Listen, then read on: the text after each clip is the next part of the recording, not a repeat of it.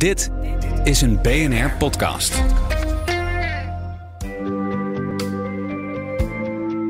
Wetenschap in het kort met Carlijn Meinders.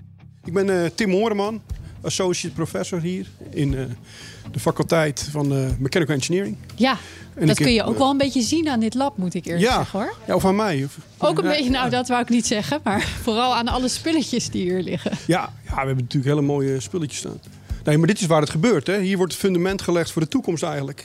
Als je praat over de geavanceerde laparoscopie. En dat zijn eh, toch wel complexe chirurgische procedures. Waar, eh, waar ze door middel van hele kleine gaatjes het lichaam ingaan. En met best wel complexe instrumentjes die zeg maar de polsen kunnen... eh, de polsbeweging kunnen reproduceren. Van Ja. alles nog wat in je lichaam doen. Operatierobots. Operatierobots, ja, hier staat het prille begin. Twee armen. Twee armen, eigenlijk vier armen. Twee die je aanstuurt en twee die het vervolgens nadoen. En een camerasysteem. En eh, het bijzondere aan dit systeem is dat het eh, eigenlijk het eerste echt duurzame platform moet worden op de wereld. Ja, want dat is een heel groot probleem als je het hebt over duurzaamheid in ziekenhuizen. Ja. Daar valt nog enorm veel te verbeteren. Nee, dat klopt hè. En eh, je ziet wel meer activiteiten nu. Dus men is vooral bezig heel laagdrempelig door te kijken van ja, kunnen we een schort van ehm, stof maken in plaats van, van eh, papier? Of kunnen wij bijvoorbeeld... Een eh, lapjas van een duurzaam materiaal. Ja, dus dat, gaat, dat zijn toch wel een beetje de, de toch laaghangende type fruit. zeg Kleine maar. stapjes. Kleine stapjes. En wat je, ziet, wat je hier ziet, is eigenlijk aan de andere kant van het spectrum. Hè. Dit zijn hele mooie, complexe systemen voor moeilijke procedures. Maar normaal gebruiken die disposable instrumenten. Oh ja, oké. Dat wordt allemaal weggegooid. Ja, dat zijn instrumenten die kunnen eigenlijk eh, ja, variëren tussen de, tussen de 400 en soms 1700 euro. Zo. En sommige kun je daar maar één keer gebruiken. En Maar- je moet je voorstellen, die gebruikt er soms wel drie, vier per procedure. Want dat is eh, iets wat de robot gebruikt of de chirurg Ja. gebruikt om die operatie te doen. Dat kan dus oplopen tot heel veel geld en Ja. daarna gaat het gewoon de prullenbak in. Ja, dat kan eh, soms tussen de 6 en 10.000 euro aan Zo. instrumenten kosten. En is dat een keuze eh, vanuit de hygiëne bijvoorbeeld? Of is dat meer omdat je er gewoon veel aan kan verdienen? En dat laatste, dat zeg je zelf al iets zachter. Hè? Uh-huh. Eh, er zitten meerdere aspecten aan. Je moet oppassen wat je zegt tegenwoordig. Ehm, maar het is zo gegroeid dat... ehm, vroeger waren veel van die instrumenten echt als reusable uitgevoerd... voordat ze op de robot kwamen. Toen is er een trend ontstaan, gedreven door het voorkomen eigenlijk van het risico op infectie. Ja. Dat die dingen allemaal disposable moesten worden. Omdat ze heel complex zijn. Zitten ze vol met kabeltjes en veertjes en geleidingssystemen. Ja, waardoor je ze moeilijk kunt schoonmaken. Ja. Want het zijn eigenlijk rollenbuizen die helemaal vol zitten. Makkelijker om En gewoon een het is een argument die goed te gebruiken is om het niet te hoeven redesignen, zeg maar, eh, zodat het eh, ehm, eh, herbruikbaar wordt. Maar het, ehm, ja, je je kunt je voorstellen, twee derde ongeveer van de inkomsten van zo'n eh, van zo'n gigant, dat gaat echt een biljoenen inkomsten, komt uit de disposables. Ja. Dus, dus als je kijkt naar een intensive vanuit de industrie om te gaan herdesignen, zodat het volledig modulaire systemen worden, die je helemaal volgens de standaard kunt schoonmaken, dan kun je je voorstellen dat het niet de belangrijkste drive is van zo'n industrie. En dat snap ik ook heel goed. Als het eenmaal zo in elkaar zit en je, en je aandeelhouders verwachten dat er een eh, bepaalde mate van winst is, dan kan ik me voorstellen dat je het Ja. niet zomaar kunt verkopen. Wij gaan helemaal de groene kant op en het levert ons niet meer iets op. Ja, kijk, ik heb, een keer, eh, ik heb recent eigenlijk een column geschreven waarin eh, ik ook dat wat verder uitgediept heb. En ik begrijp het ook heel goed. Hè. Stel dat zij nu alle effort gaan stoppen in het herontwerpen, zodat die dingen honderd keer mee kunnen. Ja, dan is hun volledige inkomstenbron weg en valt zo'n bedrijf om. En dat, dat kan niet de, het doel zijn van een duurzaamheidstransitie. Het moet Dat geleidelijk gaan. Je moet de kleine. Nee, precies. Je hebt wel te maken met iets wat ontwikkelt tot wat het nu is. En daar zitten hele belangrijke grote supply chains achter. En uiteindelijk moet het doel wel blijven dat die specialist zijn werk kan blijven doen. Ja, je wil, is- je wil geen, geen harde. Dus duurzaamheid moet niet, kan niet eh, doorslaan naar een ik, situatie snap die ik. ervoor zorgt dat producten niet meer zijn straks. Jullie werken aan de oplossing. Ja, Eh, als niet eh, mega groot bedrijf dat dit op de lopende band doet. Jullie, jullie halen ze eigenlijk gewoon via de zijdeur in nu. Nou, het- je, je moet het zien dat wij nu eigenlijk met een platform bezig zijn die robotica ook over de grens moet brengen van waar het nu is. Hè. Moet het eigenlijk eh, ehm, laparoscopische robotica, je ziet dat vooral in de 10% rijkste naties met ziekenhuizen die dit kunnen betalen. Zo'n apparaat. Zo'n apparaat. En de reden waarom zij dat kunnen betalen heeft te maken met die enorme kostenpost gerelateerd ook aan die instrumenten. Hè? Ja. Los van het afval dat ze genereren. Dus het is tweeledig. We willen zorgen dat die afvalberg naar beneden gaat. Maar ten tweede willen we eigenlijk een platform ontwikkelen.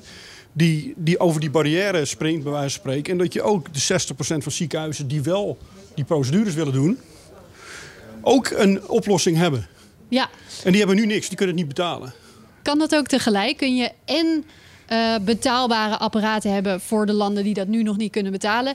En tegelijk daar ook die verduurzaming hebben? Of is dat, zijn dat twee verschillende dingen? Maar het gaat zelfs hand in hand heel vaak. Dus wat je ziet, ehm, we hebben eigenlijk binnen deze eh, afdeling ook twee stromingen. De ene is Global Surgery in mijn veld en de andere is Sustainable Surgery. Dat is mijn eh, specifieke onderzoekslijn. Ja, En daar zijn heel veel parallellen. Want als jij iets zo maakt dat je geen afval meer genereert, maar je kunt het hergebruiken, dan gebruik je ook dus minder materiaal. En het materiaal kost natuurlijk geld om dat te maken. Dus vaak zie je dat het dan ook duurzaam wordt. ja. En dus inderdaad, stel dat jij robotchirurgie wil eh, implementeren eh, in dat soort landen. Eh, en daardoor, eh, waardoor ze dus kunnen werken met instrumenten die ze gewoon zelf schoon kunnen maken. Met, met simpele faciliteiten eigenlijk. Ja, dat ze dus ook niet elke keer een nieuw instrument hoeven te, te kopen. dat maakt het juist dat maakt. Dus, betaalbaar. dus die, in dit geval maakt de duurzaamheid eh, het platform veel betaalbaarder. Ja, en je zei eerder al, het was ook ingewikkeld, want die instrumenten bestaan ja, vaak uit allemaal kleine onderdeeltjes. Dat is moeilijk schoon te maken. Ja. Heb je daar nu iets op gevonden? Eh, ja, er is een, eh, eigenlijk een fundamenteel nieuwe stuurtechniek ontwikkeld. Om die instrumentbekjes eigenlijk in het lichaam eh, ja, beter uit te kunnen lijnen met de weefsels. Hè. Dus je Ja. hebt natuurlijk zelf je handen, die hebben een heleboel vrijheidsgraden. Maar bedenk nu dat die handjes Die grijpertjes. grijpertjes zijn. Ja. En die zijn 5 mm in, in doorsnede. Ja, dan, dan, snap je al dat er een stukje complexiteit aan vast zit. hè. Ehm, maar het is natuurlijk wel zo, en dat is even de kanttekening. Wij maken een platform voor toch de wat ehm, eenvoudigere procedures. Die nog wel zo'n arm, zo'n zo'n zo'n polsgewrichtje ehm, nodig hebben. Maar als je kijkt naar de Da Vinci, de state of the art. Daar zitten soms enorm complexe instrumenten aan vast. Bijvoorbeeld multistaplers die het leven voor die chirurg wel makkelijker maken. Ja. Maar het is wel super geavanceerd. Je hebt het ook niet per, per se altijd nodig.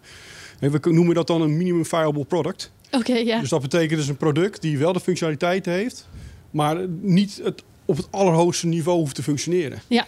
Kijk, en dat, dus, dus dat, zijn, dat is eigenlijk een soort drie strijd. Hè? Dus en duurzamer en goedkoper, maar je doet wel concessies aan wat je echt in de state of the art zou kunnen met zo'n platform. ja, maar misschien is het ook zo. Dat is nodig. Ja, misschien is het ook zo dat juist die instrumenten die misschien niet het allergeavanceerdst zijn, dat die ook meer gebruikt worden dan die hele ingewikkelde instrumenten. Dat Dus is het. Je kunt pak je de grootste. Denk aan, kijk, vroeger hadden we ze ook niet. Hè? Vroeger kon je ook gewoon een, eh, wat ze noemen, anasmose, dus een hechting plaatsen in je darm om weer twee deel, delen aan elkaar te zetten. Dat deed je gewoon met een hechting. Dan ben je iets meer tijd kwijt. Nou, je kan ook zeggen, ik doe het met een multistaper. Dus een hele rits aan nietjes, om dat met een paar knij, knepen het- tot hetzelfde resultaat te komen. Maar het is ook een keuze. Maar betekent het dan dat je zo'n platform met dat super ge- eh, ge- geavanceerde, die super geavanceerde instrumenten ook in een bijvoorbeeld eh, een minder ontwikkelde omgeving wilt hebben? Nee, want je, ja, je- dan, dan ga je gewoon één fase terug. Dan ga je gewoon weer hechten, bij wijze van spreken. Ja, Dus, dus, je, dus je, je kan daar eh, eigenlijk een, een, een optimum vinden die past binnen de lokale context. Hè? ja. Daar gaat het om. Dus je bent zowel dingen aan het ontwerpen, maar je bent ook gewoon aan het berekenen. Wat, wat is het meest. Waar kun je aan tunen? Ja. Hoe kan je een totaalsysteem afstemmen op de context waarin die gebruikt wordt? Ja. Maar goed, kijk, secundair wat je natuurlijk wil, is dat dit een, een platform wordt waarvan iedereen zegt van, oh, het kan ook anders. En dat bepaalde elementen daarvan ook doorgevoerd gaan worden. Als, als de huidige industrie alleen al 10% van mijn duurzaamheidsoplossingen doorvoert, ja, dan heb je ook al een impact, wijze van spreken. Het, het is ook gewoon het begin van een nieuwe wind. Zeg Niemand maar. moet dit geluid laten horen. Ja. Want niemand, het komt niet vanuit de industrie. Nee. Want daar is de drive niet. Nee, en straks is het excuus, het kan niet. Dat, dat, heeft geen zin nee, meer, want je het moet, kan je dus moet wel. dus, En dat doen we op heel veel vlakken. En daar Ja. hebben we ook heel veel impact mee behaald. Wij laten zien aan de universiteit en de, eh, universiteit en de, de living labs dat iets kan. Ja, En dan komt het geluid vanzelf. Want de kliniek die wil heel graag verduurzamen. Maar die moeten wel zien dat het kan. Anders kunnen ze geen geluid laten horen aan de producenten. ja. Dus, dus ja, daar werken we met z'n allen een beetje aan. Nou, staat hier ook een eh, nogal indrukwekkend apparaat. Ja, dankjewel. Het ziet eruit alsof je dat ook kan gebruiken zelf. Wil je hem even proberen? Mag, mag ja, ik tuurlijk. Dan neem ik jou, eh, jouw mic over. Wat is het precies? Waar het op neerkomt. We hebben hier twee armen. die jij met je handen aanstuurt. Die hebben 14 vrijheidsgraden.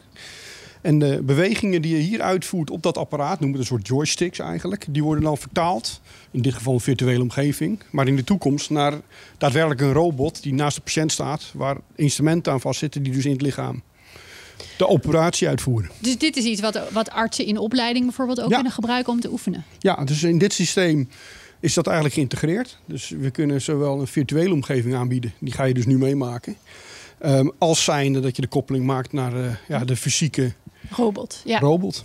Oké, nou laten we mij nog maar eventjes eh, wat doen op een scherm. Want dat lijkt me veiliger. Ik zie hier een schaaltje met blauwe balletjes. Ja, Die ik denk ik in het blauwe schaaltje moet leggen. Ik zit... Het is heel moeilijk om te... Uh, dat Ja. was tegen het schaaltje aan. exact. Dan leer je dus als operateur dat je instrument niet overal kunt positioneren, want daar ga je door de weefsels heen. En Ja, dat voel ik ook meteen dat voel je ook. Zit. Dat is ook een van de bijzondere features aan dit ding. Kijk, Oh. daar gaat hij weer. Je hoort hem ook zelfs, denk ik. Balletje 1 ligt in de schaal. Oh, sorry. Dat was tegen het Dat schaaltje. was hem, ja. Nou, je doet het hartstikke goed. Oh, het luistert Leuk, super nauw. Dat Ja, is logisch, ja, ja. want dit had ook een operatie kunnen zijn. Ik ben heel blij dat dit niet in iemands lichaam gebeurt. Oeps, pardon. Ik ga nog even door met oefenen. Dat lijkt me, dat oh, lijkt dat me is goed. leuk. Ja, Eh, en heel veel succes. dankjewel. Je, het is nogal een project waar jullie mee bezig zijn. Dit is een groot project. Ja, Absoluut. en we zijn er ook een beetje trots op, hè? snap ik. Dus we hebben een hele mooie subsidie ook voor binnengehaald vanuit NWO. Dus we kunnen nu echt, eh, echt mooie stappen maken. Wil je elke dag een wetenschapsnieuwtje? Abonneer je dan op Wetenschap vandaag. Luister Wetenschap vandaag terug in al je favoriete podcast-apps. Business Booster. Hey ondernemer, KPN heeft nu Business Boosters. Deals die jouw bedrijf echt vooruit helpen. Zoals nu, zakelijk tv en internet, inclusief narrowcasting... de eerste 9 maanden voor maar 30 euro per maand. Beleef het EK samen met je klanten in de hoogste kwaliteit. Kijk op kpn.com slash businessbooster. Business Booster.